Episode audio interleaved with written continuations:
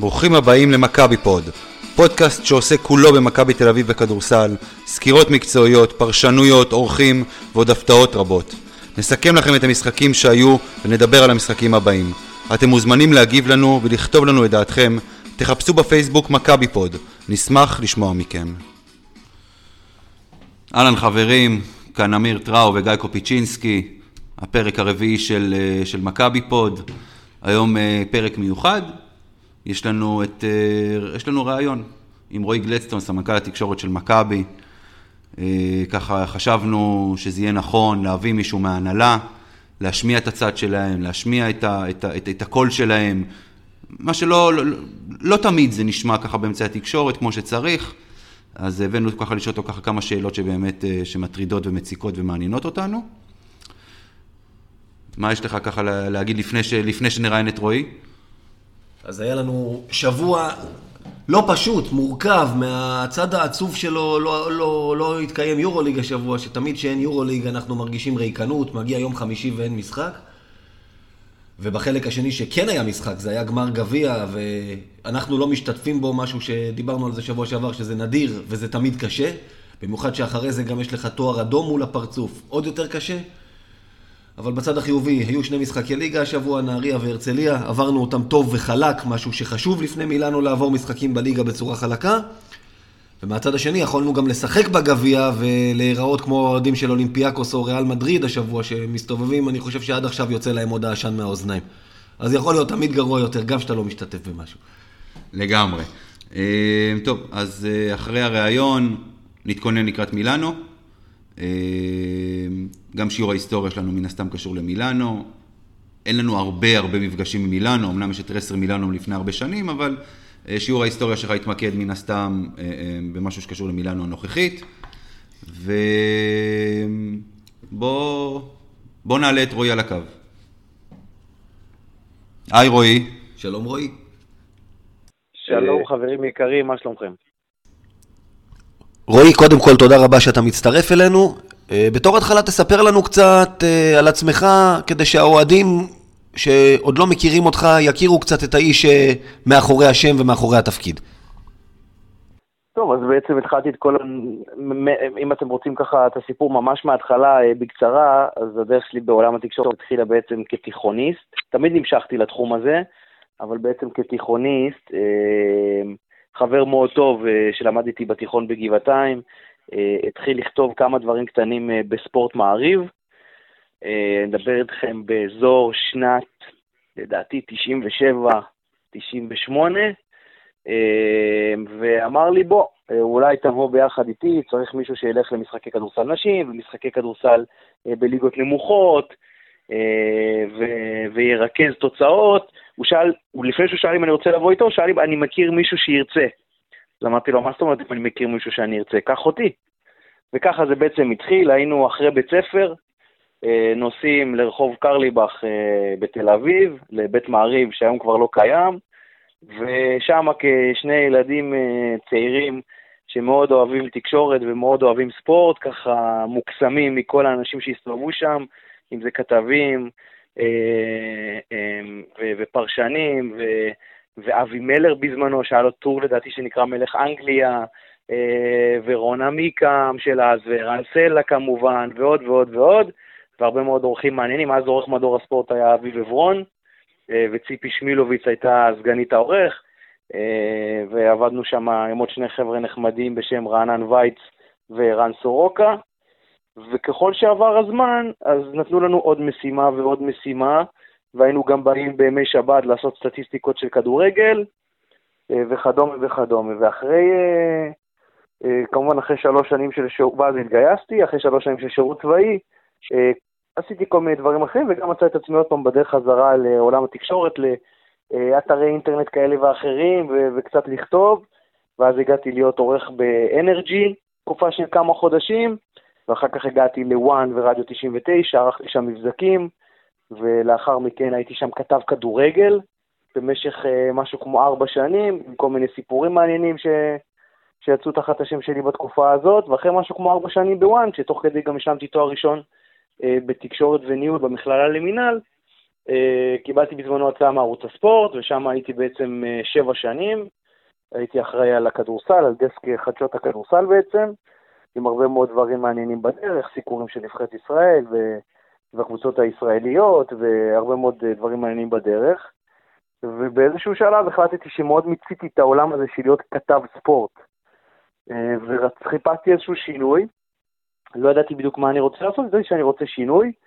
בעצם אז הודעתי אה, לערוץ הספורט שאני החלטתי לעזוב, אני רוצה לשנות כיוון. אה, עוד בלי שכל כך ידעתי פחות או יותר מה אני רוצה לעשות, והאמת ש...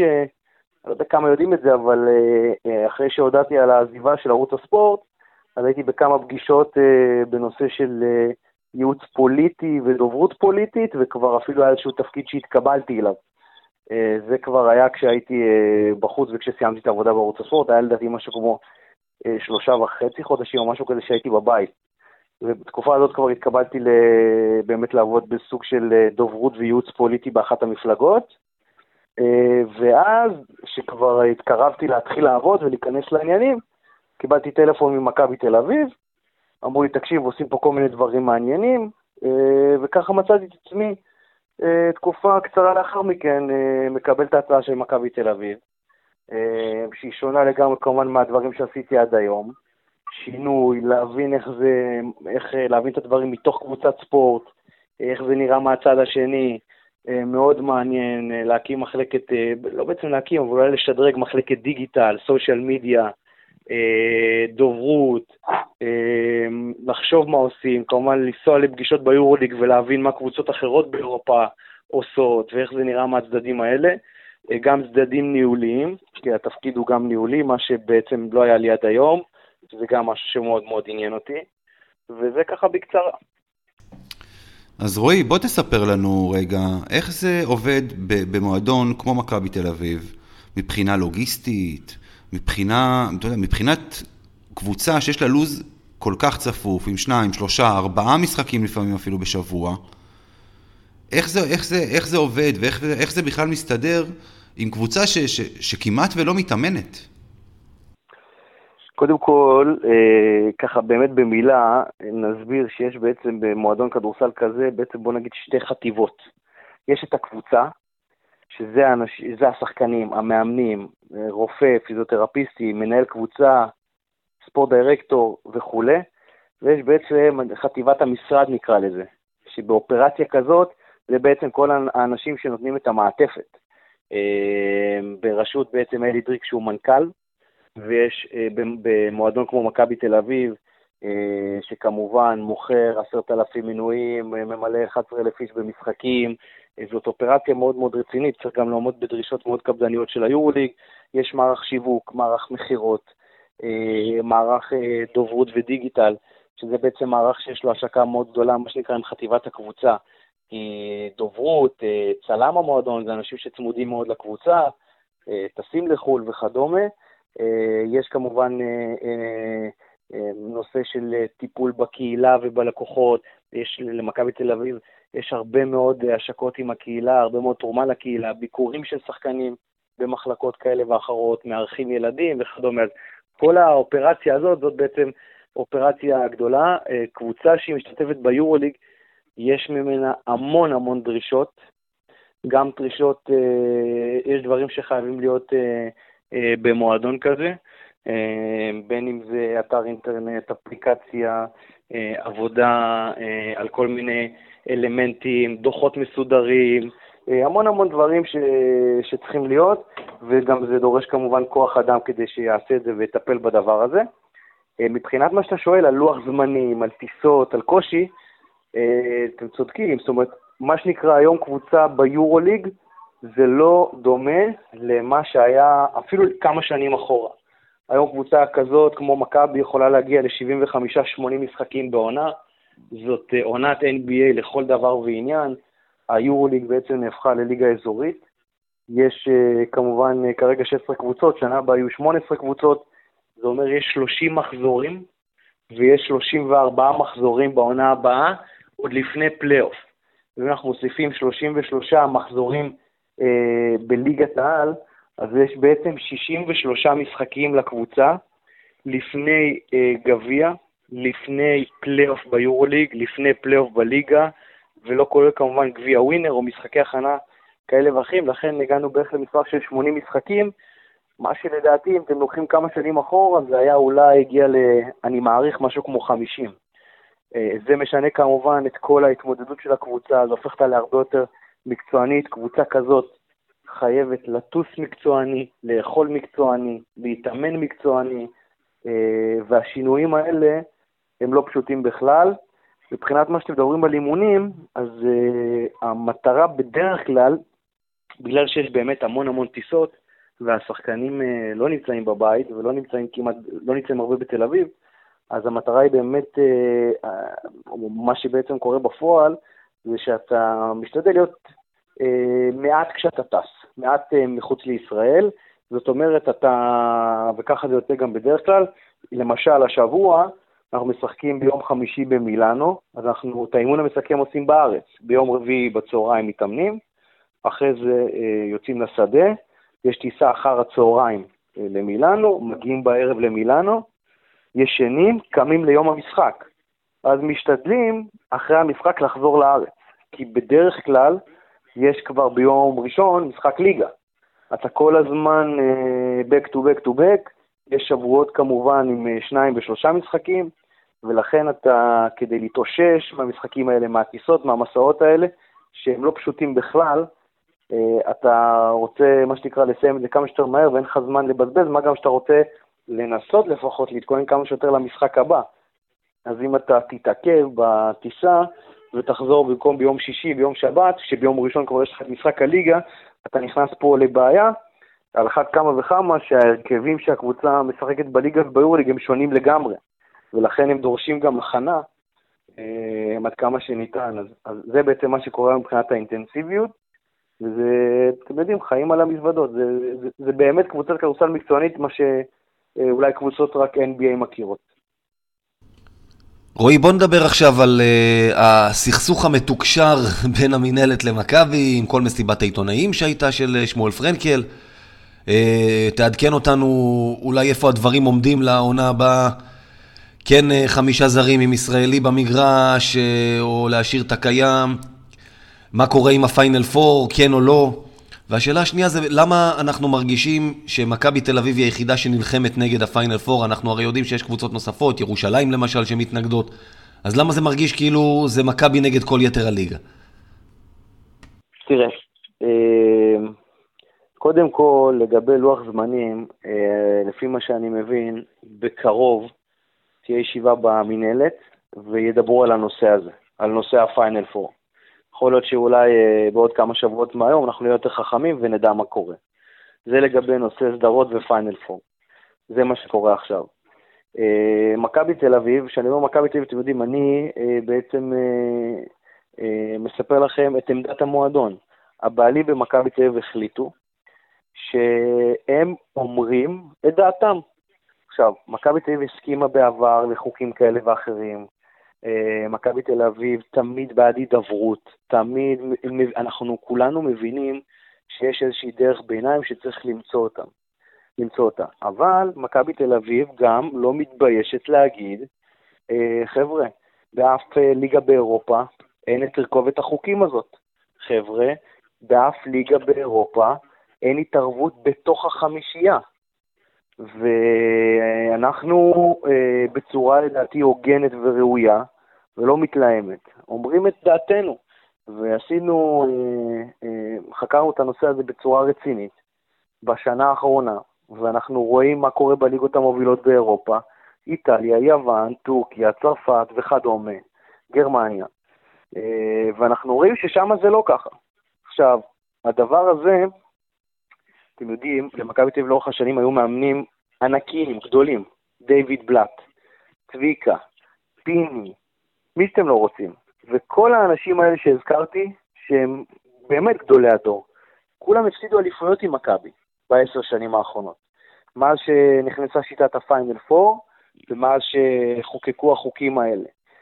ואנשים במכבי מספרים אה, ש, שכשהם ישבו עם המאמנים האלה וניסו להניח את האצבע, מה בעצם, מה ליבת העניין, גם מאותם מאמנים לא בהכרח ידעו לשים את האצבע. בשנת 2014 הגדולה, שנה שמכבי תל אביב לקחה אליפות אירופה, וניצחה בחצי הגמר את צסקה, וניצחה בגמר את ריאל מדריד, הגיעה לארץ ולקחה אליפות על הקשקש, מי שזוכר, מול מכבי חיפה. עכשיו נשאלת השאלה, איך קבוצה כזו גדולה, שבאמת, תראו איזה שחקנים היו שם, דיוויד בלו, אלכס טייס, סופו, איקמן, טייריס פרייס, והרשימה ממשיכה. ג'ו אינגלס, שהיה שחקן משלים, אז היום הוא שחקן של מיליוני דולרים ב-NBA, ביוטה. איך קבוצה כזאת מגיעה לארץ, לא מצליחה לנצח את, או בקושי מצליחה לנצח את חיפה, משחק אחד מפסידה, משחק אחד מנצחת שם, אה, לקחנו אליפות באמת אז על הקשקש, על הפרש סלים, משהו מוזר כזה. והנושא הזה, באמת במחקר הזה, או בבדיקות האלה שעשינו, הנושא של אה, היררכיה בקבוצה, הנושא של חיבור, זה נושא שהוא קריטי. תשימו לב גם שתמיד קבוצות אלופות, קבוצות שלוקחות גביעים, תמיד שואלים אותם, נו, מה, איך, איך לקחתם גביע, איך לקחתם אליפות, תמיד הם יגידו, We play together, we were strong, we stuck together, הרבה together. ברגע שיש שוני כל כך מהותי בתוך קבוצה אחת, עם החוקים שהקבוצה משחקת בשתי ליגות שונות, זה בעצם מפרק את, ה, את החיבור של הקבוצה, את ההיררכיה של הקבוצה. וזה משהו שבשנים האחרונות, עם השינויים בחוקים, אה, הוא בעיה מאוד מאוד גדולה למכבי. עכשיו, יכול מאוד להיות, וצריך תמיד לבדוק את הכל. מכבי תמיד תבדוק את בחירת השחקנים שלה, ואת בחירת המאמנים שלה, ואת בעלי התפקידים שלה, כמובן, אבל גם צריך להסתכל באופן אובייקטיבי מה קורה בליגות אחרות באירופה, למה שם אין את זה, למה מאמנים פה אה, בתקופה אה, של העשר שנים האחרונות של כינון חוק רוסי וחוקים כאלה ואחרים מתקשים בליגה המקומית. ויש מאוד עניין של היררכיה, עם, עם אה, קבוצה בנויה משמונה שחקנים אה, זרים וארבעה-חמישה אה, ישראלים, ובעצם כשאתה מגיע לליגה, אז שניים או שלושה ביציע, ואז בתוך החמישייה, אם באותו רגע נתון החמישייה החזקה שלך לצורך העניין היא חמישה של שחקני חיזוק, אז באים הליגה ואומרים לך, לא, אתה חייב לשים שני מקומיים, אז גם חלק מהשחקנים שלך, שהם שחקנים שהם חלק מההיררכיה, הם חלק מהתרגילים, הם חלק מה lineupים שהמאמן קובע, קודם כל הם על חליפה או על uh, טרנינג בצד. ואחר כך החמישייה או ה lineupים שאתה רוצה לשחק איתם, שאתה מתרגל אותם גם ביורוליג, שהם עובדים טוב ביחד, שיש ביניהם כימיה, אומרים לך לא, אתה לא יכול לשחק איתם. בעצם מפשיטים אותך מנכסיך. הקבוצה הזאת, בואו לא ניכנס פה כרגע למספרים, אבל אם מכבי קבוצה נגיד של 90 מיליון דולר או whatever, אז בעצם יש לך שניים או שלושה שחקנים שהם ביחד, אה, לא יודע, 10-15 מיליון דולר, אה, זה לא כל כך משנה, אז הם בצד, וה lineupים שעובדים עליהם לא יכולים לשחק ביחד. במקום לנסות להרים את הקבוצות האחרות, לתת להם אולי incentive, להגדיל תקציבים, להביא מפרסמים, מה שבעצם להבנתנו החוקים האלה עושים, הם מורידים את הקבוצות החזקות uh, למטה, בטח את מכבי, אם אתה שואל אותי, אני מניח שגם את הפועל ירושלים, ואני גם שומע אותם, בשנים האחרונות גם הם לא אוהבים את זה. אה, ויש אה, תוספת של עוד דברים ועוד דברים, יש חוק רוסי, יש את הנושא של הפיינל פור, שזה בעצם שיטת גביע. אה, כל דבר כזה זה משהו שהוא לא, שהוא לא קיים במקומות, בטח לא בתרכובת הזאת. עכשיו, מכבי תל אביב מבינה שאי אפשר לשחק בליגה מקומית, אתה משחק עם חוקים מסוימים, זה בסדר גמור. אנחנו מבינים שזה לא יורו-ליג, שאתה משחק עם, עם איזה שחקנים שאתה רוצה, ללא קשר לזהות שלהם וכדומה, וזה ברור שמכבי לא יכולה לשחק עם שמונה זרים בליגה הישראלית. זה ברור. מה שאנחנו מבקשים זה שלא תהיה התערבות בחמישייה. אנחנו רוצים לפתח שחקנים ישראלים, אנחנו עושים את זה. ושחקנים ישראלים תמיד ישחקו במכבי, זה האינטרס של מכבי. אבל הם ישחקו כי המאמן החליט שהם צריכים לשחק, וכי מגיע להם, וכי הם ישתפרו, לא בגלל חוקים של ועדי עובדים. ואם יש פה אליפות, ועובדים שנה שלמה, ומשחקים אה, אה, על המיקום, אז אי אפשר לקחת אליפות במשחק, בשביל זה יש את גביע המדינה. אה, אלה בעצם הדברים שמכבי תל לא מתביישת להגיד, ומקווה שבאמת בשיח ובהבנה, וזה ברור לכולם שיש קבוצות שיש להן אינטרסים אחרים, והן מגיעות מהכיוון השני, צריך למצוא פה איזושהי דרך המלך. התחושה שלנו כרגע זה שהמטוטלת היא נוטה בכיוון ברור לצד השני. וזה חייב להיות יותר מאוזן. אז רועי, תגיד רגע, קודם אה, ככה דיברת על המכשולים שה, שהמינהלת מציבה עם החוק הרוסי והפיינל פור וכו' וכו' וכו'. לפני משהו כמו חודש ככה אה, התפרסמה ידיעה, וגם אתה דיברת על זה, על כל עניין אה, אה, סקר שהמועדון הוציא לאוהדים שלו, לחלק מהאוהדים מן הסתם, לגבי אם הם ירכשו מנוי, במידה ומכבי תעזוב את הליגה הישראלית. זה משהו שהוא בכלל על הפרק? זאת אומרת, ההנהלה באמת שוקלת דבר כזה, או שזה, או שזה הסוג של תחזיקו אותי? אגב, תראו, הבעלים במכבי תל אביב והנהלת מכבי עושה כל הזמן בדיקות. כמו שהלכנו ובדקנו מה קורה בליגות האחרות באירופה, ואנחנו אומרים היום, חבר'ה, בואו תיקחו מודל של איזה ליגה אירופאית שאתם רוצים ובואו נשית אותו על הארץ, ובואו נלמד מאחרים שלא מתערבים למאמן בליינאפים, בואו לא נתערב לו גם. אז מכבי עושה את הבדיקות שלה מול האוהדים שלה. אמ, והדבר הזה זה לא דבר פומבי, זה דבר פנימי. מן הסתם, כשאתה עושה סקר בין 500 אוהדים, או בין 400 אוהדים, ואתה בודק, אז דברים כאלה יוצאים, כי זה באמת במסה גדולה. אבל מכבי עושה את הבדיקות שלה בכל מיני דברים, באמת בכל מיני דברים. רוצה... תשמעו, הנכס הכי גדול והכי חשוב של מכבי תל אביב זה האוהדים. אני אומר לכל מי שרוצה לשמוע, האוהדים שלנו בעצם מאמינים בנו. הם, כשהם באים כל יום חמישי אה, להיכל, הם מאמינים בכל אחד ואחד מהשחקנים, הם מאמינים בכל אחד ואחד מהמאמנים, הם מאמינים בבעלים שמקבלים את ההחלטות, הם מביעים אמון. והנהלה נכונה ובריאה עושה את הבדיקות, בודקת מה האנשים שלה חושבים. אה, אם אנחנו מתמודדים ונתקלים בקשיים אה, מול חוקים במינהלת, אנחנו רוצים לדעת מה אה, האוהדים שלנו, האנשים שאוהבים אותנו, מה הם אומרים על זה, מה הם חושבים על זה, מה האפשרויות שעומדות בפנינו. ולכן עושים בדיקות. לא ארחיב על זה יותר. רועי, שאלה, שבוע שעבר עלו שני שחקנים ששוחררו מהקבוצות שלהם ב-NBA בהקשר של מכבי. עמרי כספי כמובן, שהיו כתבות שמכבי מתכוונת להציע לו חוזה מהשנה הבאה, ומילוש תאודוסיץ', שכל מיני אתרים אירופאים הזכירו אותו מועמד למכבי, הוא כבר אמר בעצמו שהשנה הוא לא הולך לשום מקום. לגבי כספי, השאלה אם הייתה פנייה רשמית ממכבי וכמה זה, זה באמת uh, על הפרק. לגבי העניין של תאודוסיץ', לגבי צירוף שחקן עוד השנה, אה, אנחנו ראינו בשנתיים האחרונות שצירוף של שחקן כזה עשה את ההבדל מבחינת אליפות. להפועל ירושלים ההבאה של אוול הביאה את האליפות אליהם לפני שנתיים, ובמכבי בשנה שעברה זה היה עם פרגו. אז יש כוונה להתחזק השנה, השנה בעוד שחקן? תראה, קודם כל אני אצטט פשוט את המאמן שלנו, שנשאל את זה במסיבת עיתונאים לפני שבועיים, ו... או לפני עשרה ימים, משהו כזה, ואמר שלא. הוא אמר את זה, זאת אומרת, הוא אמר, חבר'ה, יש לי סגל, עכשיו הסגל מלא, ג'רמי פרגו חזר מהפציעה, אני אוהב את השחקנים שלי, אני מאמין בכל אחד, ואני לא מרגיש צורך לצרף מישהו. אז אני פה מצטט אותו, והוא אומר שלא, קודם כל, מאמן שלנו. Uh, באופן טבעי יש, אתה יודע, שחקנים משתחררים, שחקנים בטח בקליבר גבוה, יש ספקולציות. אני לא צריך לספר לכם, אתם בטח מבינים את זה שיש כל מיני uh, גם אינטרסים של סוכנים, של גורמים בעלי עניין וכדומה. אה, וזה בטח גם משפיע על השיח. לגבי, אתה יודע, מילוש תאודוסיץ' אמר בעצמו שהוא לא ישחק בשום מקום אחר, אז אני לא רואה צורך להוסיף על הדבר הזה משהו. לגבי עמרי כספי, תראו, עמרי כספי הגיע ל-NBA ממכבי תל אביב, ובאופן טבעי, גם בלי שמדברים, ויש קשר תמיד בין הצדדים, גם בלי שמדברים, זה מאוד מאוד הגיוני וטבעי שאם עמרי כספי יחזור לאירופה, או יסיים את uh, דרכו ב-NBA, באופן כמעט אוטומטי, מכבי תל תהיה בטח אחת המועמדות לקלוט אותו. האם יש מידע, האם יש מגעים, האם זה, אני אומר לכם את האמת, אני לא יודע, באמת אני לא יודע, וגם אם הייתי יודע, בטח לא הייתי מדבר על זה פה.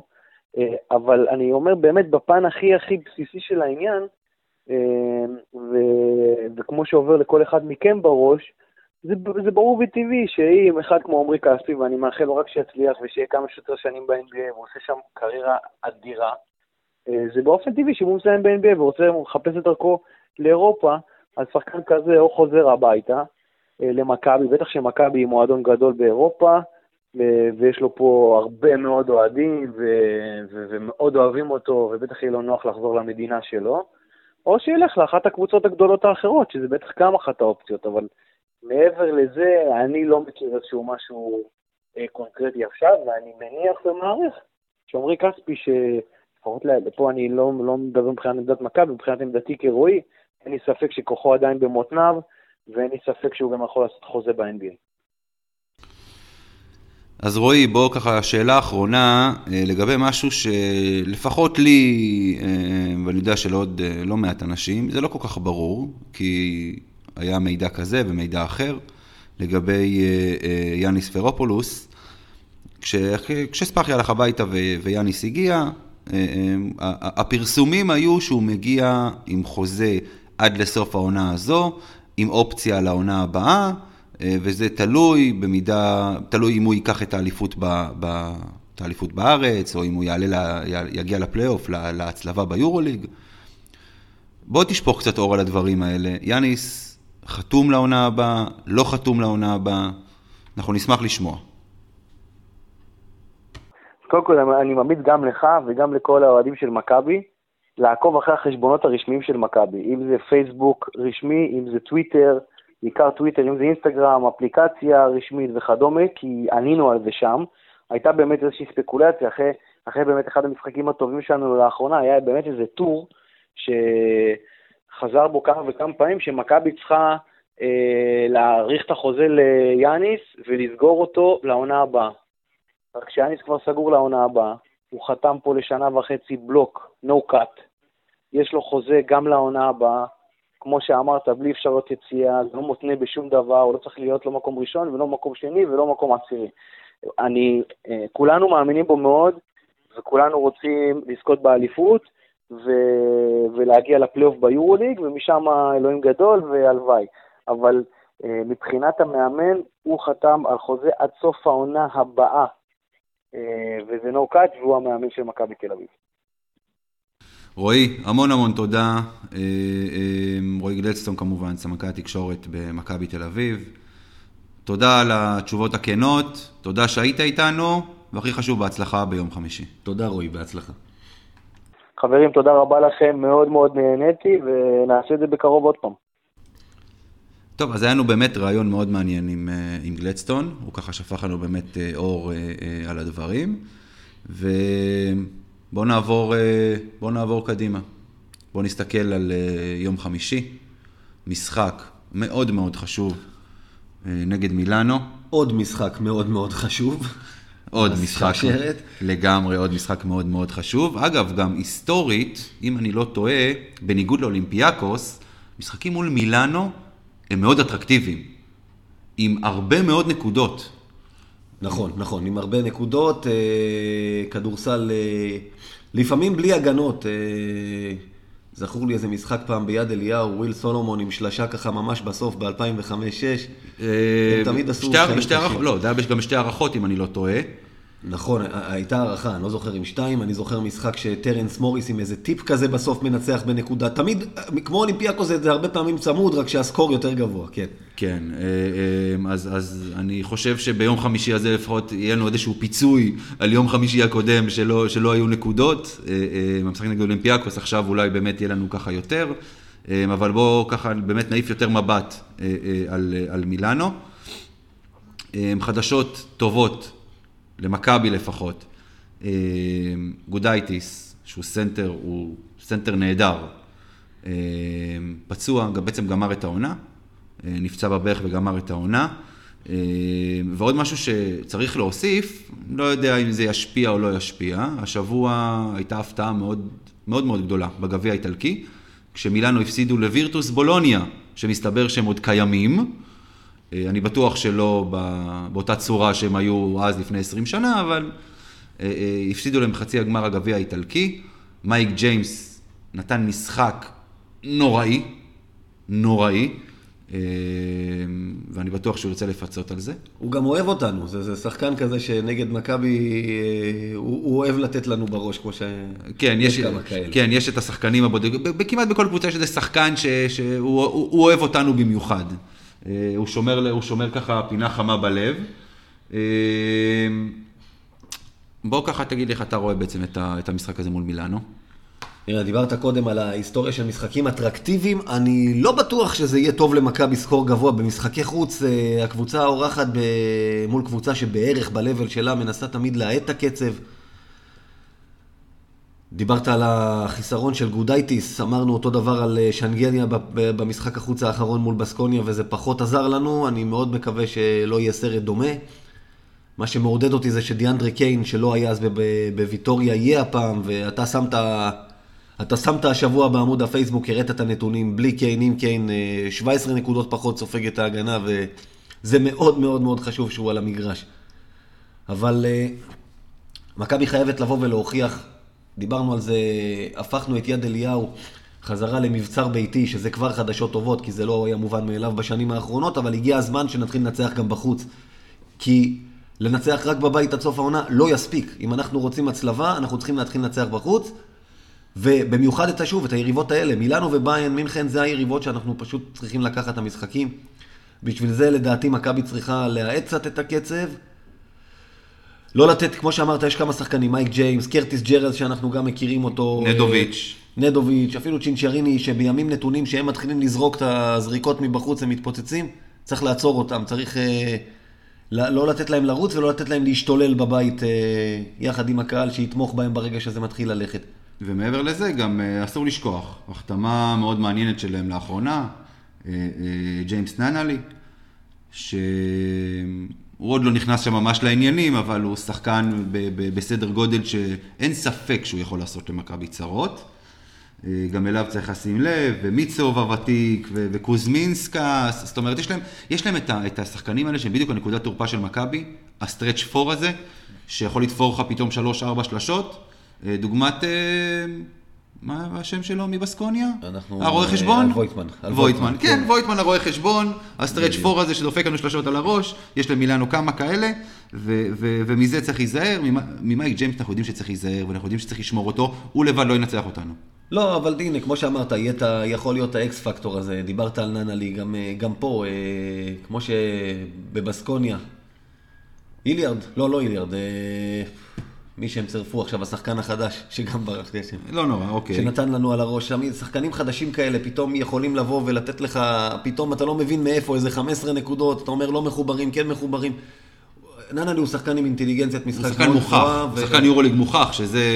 ושחקן חכם, שחקנים כן. חכמים לא, לא, לא, לא צריכים להיות מחוברים לקבוצה, אם יש איתם שח, קבוצה, שחקנים חכמים אחרים, ולמילאנו הרגע אמרת את השמות, יש כאלה, זה מסוכן. אה, אז אני דווקא אני אגיד משהו בניגוד, שאני חושב קצת אה, בניגוד אליך, מכבי, כשהיא משחקת לאט, היא משחקת לא טוב. מכבי צריכה לרוץ. מכבי לדעתי, כמו שאני רואה את זה, היא צריכה לרוץ. כי, כי אין לך מי שישחק לאט. אין לך מי שישחק לאט. יש לך שני סנטרים, יש לך את טיוס ויש לך את בלק, שיודעים לרוץ. שיודעים, לה- ש, שהם לא כבדים והם לא לוקח להם חצי שעה לעבור את המגרש. אני חושב שאפשר לנצל את זה. אה, אה, אבל בעיקר, בעיקר, בוא נגיד ככה, כשאי אפשר לרוץ, לעצור ולשחק פנימה. למילאנו אין סנטרים. למילאנו אין סנטרים, היה להם את אומיץ' והיה להם את אה, גודייטיס, אומיץ' שוחרר וגודייטיס פצוע, לשחק פנימה, לטחון פנימה כשאפשר. זה לדעתי, אה, אה, זו נקודת מפתח מבחינתי, כדי שמכבי תעבור את המשחק הזה ותעבור אותו טוב. אה, עוד משהו להוסיף? מצטרף אליך בעניין הזה, כמו אמרת, אני חושש שמשחק ריצה, ניגרר איתם לריצה יכול באולם שלהם להיות לרעתנו, אבל בוודאי, מכבי לדעתי מה שיעשה את ההבדל זה איך תשחק את ההתקפות המסודרות. ויש לנו משחקים שזה נראה יפה, משחקים פנימה ואז אתה נראה יותר טוב. יש את אלה שאתה נראה פחות טוב, זה אלה שהכל נראה אלתורים. כמו שאמרת, נשחק פנימה, זה ייראה גם פחות מאולתר והתוצאה תהיה יותר, בוודאי יותר צמודה ויותר לכיוון שלנו. אז בואו נעבור אה, לשיעור היסטוריה. שיעור היסטוריה שאני, בוא נגיד, המשחק שאתה הולך לדבר עליו, אני זוכר אותו. ניתן עליו איזושהי נקודה ככה בסוף, אה, שעד היום יש אנשים שצוחקים אה, עליי על המקרה הזה. אה, כך, שלך. אז היום, כאמור, שיעור היסטוריה ילך להיסטוריה היותר קרובה ממה שאנחנו עושים בדרך כלל. לפעמים צריכים ללכת על המשחק שהוא כן ה-obvious, המובן מאליו, וזה היה אחד כזה שחייבים לדבר עליו. קודם כל, במילה על אה, אולימפיה מילאנו. במילאנו תמיד מדברים על, אה, על אופנה, גם על כדורגל, יש שם את אינטר ומילאן. בכדורסל יש קבוצה אחת, וזאת אולימפיה מילאנו, היום אולימפיה ארמני מילאנו, בגלל הספונסר והבעלים, כמובן אה, ג'ורג'ו ארמני. הכרנו אותה בתור uh, טרסר מילאנו בעבר, שניצחה את מכבי פעמיים רצוף בשני גמרים של uh, גביע אירופה לאלופות, עוד קראו לזה. פעם אחת אם כן בר לא איתם, פעם אחת אם כן בר לא איתנו. השחקן הכי גדול שמשותף למכבי ומילאנו, אגב עוד כמה שמות, בן אודריך, ריקי איקמן, שון ג'יימס, כולם היו גם וגם. ירושלים יש להם את קרטיס ג'רלס, פיאניג'אני, המאמן שהיום מאמן את uh, מילאנו. ממש uh, מועדון ציוני. מועדון ציוני, מועדון האקסים, ועוד אחד שתכף אנחנו נדבר עליו. אז אנחנו נלך ל-2013-2014 ולעונה הכי משוגעת שהייתה בתולדות מכבי תל אביב, אני חושב, הקבוצה הכי משוגעת. כי היא הייתה קבוצה מאוד מאוד קשה לעיכול. קבוצה שמצד אחד באמת לא לקחה, לקחה את כל התארים, לא הפסידה משחק שאסור לה להפסיד, אבל הכל בשיניים, הכל בקושי, הרבה פעמים מכוער, הרבה פעמים גם יפה. בניגוד נגיד לזאת של 2003-2004 שדיברנו על הסרט שעשו עליה, שפשוט רקדה על המגרש, דרסה את כולם, בטח בליגה. זאת הייתה קבוצה שגם את האליפות היא לקחה בקושי, ונדבר על זה בהזדמנות אחרת. ובטח באירופה הפתיחה דווקא הייתה טובה, מכבי בשלב הבתים הראשון, נדבר טיפה על השיטה. 24 קבוצות, שלושה בתים של שמונה בכל בית, ארבע הראשונות מכל בית, אה, סליחה, ש... ארבעה בתים של שש, לא, ארבעה בתים, שש קבוצות, 24 קבוצות, ארבע הראשונות עולות לשלב טופ 16, ומתחלקות שוב לשני בתים של שמונה, ומשם עולות ארבע ראשונות בכל בית להצלבה של הטוב מחמש, ומשם לפיינל פור. אז מכבי את השלב הראשון עברה יפה, שמונה שתיים. שני הפסדים אגב לאותה בסקוניה מרגיזה שאוהבת להרגיז אותנו, רק לה הפסידה, כל היתר ניצחה בית וחוץ, צריך לומר שזה היה בית יחסית נוח. אחר כך התערבבנו עם בית שהיה קצת יותר uh, מאתגר, צסקה וריאל, ושתי הקבוצות האלה שאנחנו עוד נגיע אליהן אחר כך, נתנו לנו פעמיים בראש בית וחוץ. Uh, הייתה לנו את פנטינאיקוס, הייתה לנו את אולימפיאקוס. בסופו של דבר מכבי תל אביב מסיימת את הבית הזה במקום השלישי, מאזן של 8-6, חלק מהזמן ההצלבה הייתה בכלל בספק. רוב הזמן זה לא נראה טוב, אנחנו, הנה, זה מטבעם של אוהדי ספורט שהדברים משתנים מהר. אנחנו אה, היינו ברכבת הרים מטורפת בשנה הזאת, אני הגעתי, אני אישית, אמרתי על אותו שחקן, וזה כמובן תאיריס רייס. באמצע העונה אני מחר רוצה את ה... אני לא אגיד מה, על מטוס, מחר. ובסוף העונה זה, אני רוצה לעבור ניתוח לשינוי מין כדי ללדת ילדים לאיש, בפרפרזה על משהו שאמר פעם אריק איינשטיין הגדול. אז uh, ככה זה אוהדי ספורט, ככה זה עונה לפעמים. דיוויד בלאט, אני חושב, היה משחק, הפסד אחד מללכת הביתה באותה עונה. זה לא היה משחק אחד, זה היה בערך רבע או רבע וחצי. אילת הובילו 15, בדיוק. ביד אליהו וגיא פניני. נכון. הציל, הציל, הציל. הציל לבלאט את העונה, הציל לבלאט את התפקיד. לבלאט ולמכבי, שם, כן, שם, כן. פשוט ככה. הנה, אז uh, זאת הייתה עונה, אני אומר, הרבה אוהדים, אני זוכר את אילן השועל, שואלים אותו מי אשם במצב של מכבי, הוא אומר בלאט, חד משמעית, והוא צריך ללכת הביתה. הרבה אוהדים חשבו ככה.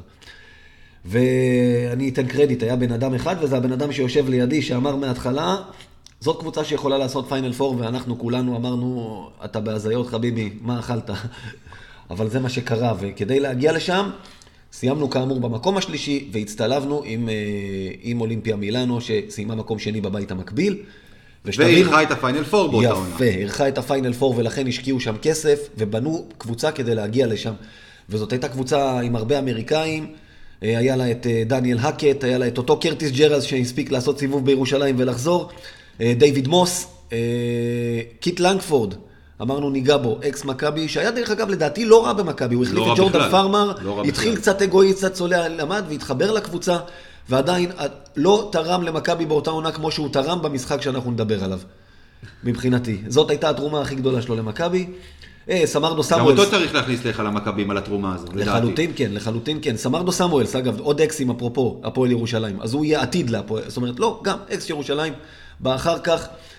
אז אה, היה לנו קצת מזל שג'נטילה, שבעתיד יגיע לירושלים אותה קבוצה, לעשות שם איזה יומיים וחצי, נפצע לפני הסדרה, יתרון הביתיות של מילאנו, בשיטה כזאת, שני משחקים במילאנו, שני משחקים בתל אביב, ואז אם צריך מכריע במילאנו, חשוב לגנוב את המשחק הראשון אם רוצים לגנוב סדרה, כי לנצח שלוש פעמים רצוף קבוצה ב-level הזה זה קשה. מאוד. ומכבי ידע את זה, אבל גם מילאנו לא התכוונה לתת, השלשות שלה נכנסו.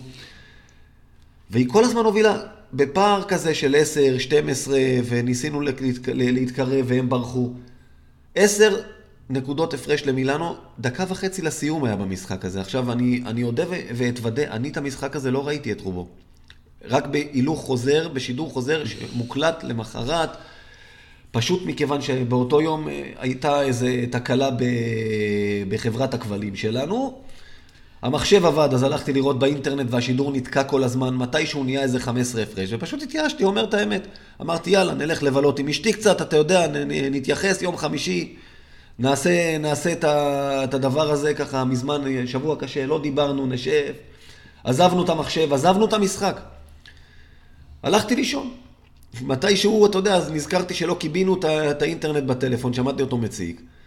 ואז אתה רואה 70 הודעות, אתה יודע, בכל מיני מקומות, ואתה נכנס, ובקבוצה שאני ואמיר אה, חברים בה, ככה, עם אנשים שחופרים על משחקים, אתה רואה הודעות של תם הטקס, ופתאום הודעות שמתהפכות לגמרי, ואתה אומר, מה קרה שם? ואתה מבין שהייתה הערכה, ואתה מבין מה הלך, ואז הלכתי לראות, ו- ופה מתחיל הסיפור. כאמור, מכבי כמו כל העונה הזאת, זה, זה היה נראה משחק שהיא מפסידה, וגם עכשיו, שבשביל שיעור ההיסטוריה ראיתי אותו שוב, אתה לא ממש מבין איך היא חזרה. עשר הפרש, עשר, אה, דקה וחצי לסיום, ברמה גם ש, שמכבי עם 74 נקודות, והיא סיימה אותו עם 87, זה 13 נקודות בדקה וחצי, אתה פשוט לא מבין מה הלך. פתאום, סל ועבירה של רייס, ושלשה של ליקמן, ועוד סל של זה, ו- ובלתי ספורטיבית ששורקים על רייס כזה. במילאנו השופטים פתאום הביאו להם בלתי ספורטיבית. לא, אבל זו הייתה, זו הייתה... הייתה, אבל צריך אומץ לעשות את זה באולם אה, בחוץ. והם מתחילים להחטיא, ומאבדים כדור. וזה מגיע למצב שמכבי תל אביב במינוס שתיים הולך רייס לסל, סל ופאול, משחק אצלך כבר נקודה, הפרש, שבע שניות לסיום. עשית את המהפך. בניגוד לנס ז'לגיריס, עוד עשית אותו, לא חיכית לשנייה האחרונה. ואז מגיע לנגפורד, ופעם אחת חוטף גג מטיוס, פעם שנייה איקמן קופץ עליו, הוא כבר בפאול, באמת, איך אמרנו, אתה יודע, הבן אדם אחרי זה נכנס אצלנו על התצוגה שהוא נתן בהערכה ובפיינל פור למקום של זהב אצלנו, אבל, אבל אה, באותו רגע על הפאול הזה כולם רצו להרוג אותו שם. לנגפורד הולך לקו שעל השעון יש שבע עשיריות במינוס נקודה, והבן אדם באותו יום 2-2, באופן כללי קליון שין אה, לא רע. בכלל. כן. שם את הראשונה גם, אתה יודע, זה הזריקה ששמה עליך את הלחץ. הוריד את הלחץ, אמרנו, נגמר. מחטיא את השנייה, ויש הערכה. תודה, קיט, עוד פעם, על התרומה. חסיד אומות העולם. לחלוטין. ומכבי מגיעה להארכה, והנה עוד נתון על הקבוצה הזאת. אמרנו, הכל הלך לה קשה, אבל הם, הם היו ווינרים, ובמה זה מתבטא? מכבי תל אביב של עונת 2013-2014 לא הפסידה הארכה אחת. ניצחה כל הארכה שהיא נכנסה אליה, כולל בגמר הסדרת שני משחקים שהייתה אצלנו מול מכבי חיפה. לא הפסידה הארכה, וגם את ההארכה הזאת, עוד פעם, לנגפורד, מינוס נקודה למילאנו, לוקח כדור, מחליק, שם טיוס חוטף לו, מאבד את הכדור, שוב תודה קיט. מכבי עולה לפלוס שלוש, שולחת את לנגפורד, אותו לנגפורד שוב לקו, הוא הפעם מחטיא השנייה בכוונה, כי הוא צריך. איכשהו, סמואלס אגב מגיע לריבאונד, ואתה אתה אומר איך זה עוד פעם קורה, אבל הוא מחליק שם על הרצפה, הוא לא מצליח לשחרר את הכדור. ניצחון גדול, בדרך לניצחון גדול בסדרה, בדרך לבאמת עונה היסטורית, עונה מטורפת עם כל התארים האפשריים, שעליהם אנחנו גם אה, נרחיב בשיעור היסטוריה אחר. עוד נגיעה קטנה, חוץ מאמיר אה, פה, שעוד מישהו שאמר שמכבי יכולה לעשות פיינל פור, אבל עליו זה פחות חוכמה. יש לי חבר שנולד לו בן במהלך אותה עונה, ובחדר לידה אה, בבית החולים איכילוב הוא פגש שם את אה, ריקי איקמן, שגם לא נולד בן באותו יום, וניהל איתו קצת שיחה שם בחוץ. ואיקמן אמר לו, אנחנו יכולים להגיע לפיינל פור השנה, ואמרתי לו, תגיד לאיקמן, כמו אמיר, שהוא מדבר שטויות. אנחנו משת- משתמשים באותם חומרים. לחלוטין. אבל אתם צדקתם, וכל הכבוד, ו... זה שיעור ההיסטוריה שלנו להיום. אז אני ככה אספר על, ה, על המשחק הזה, כש- כשהיה את העשר הפרש דקה וחצי לסוף, גם אני הרמתי ידיים. ראיתי את המשחק לבד בבית, אה, וכשראיתי שזה ההפרש, אמרתי, טוב, צריך להוציא את הכלב. אז הוצאתי את הכלב. ועם הפלאפון, אתה יודע, ככה גולש וזה, ואז באמת התחילו להגיע ההודעות.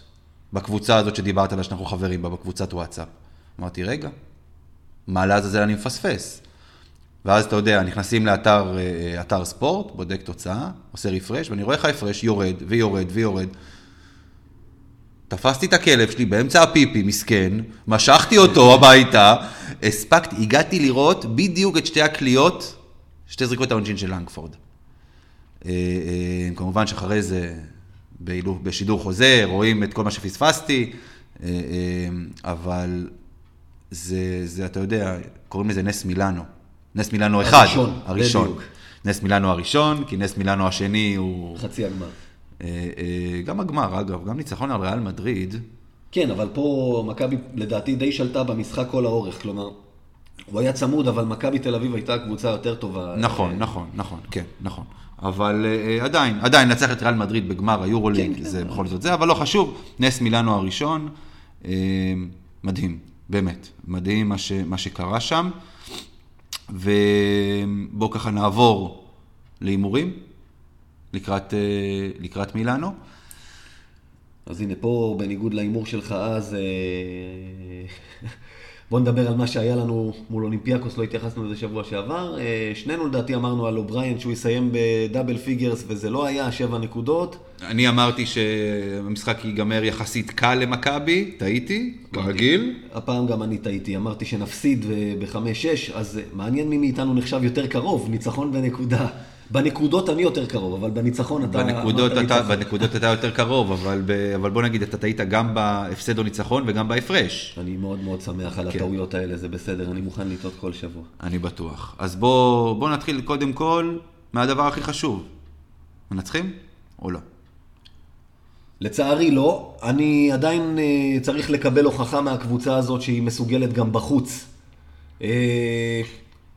קיין על המגרש זה לא תהיה קטסטרופה כמו נגד בסקוניה, בעיקר לדעתי כי מכבי תספוג פחות נקודות, אבל מבחינת לקלוע היא גם לדעתי תקלע היום פחות. אני דווקא בניגוד להיסטוריה רואה, רואה הפעם קצב של אה, מילאנו על ה-80 ומשהו, מכבי על ה-70 ומשהו כזה.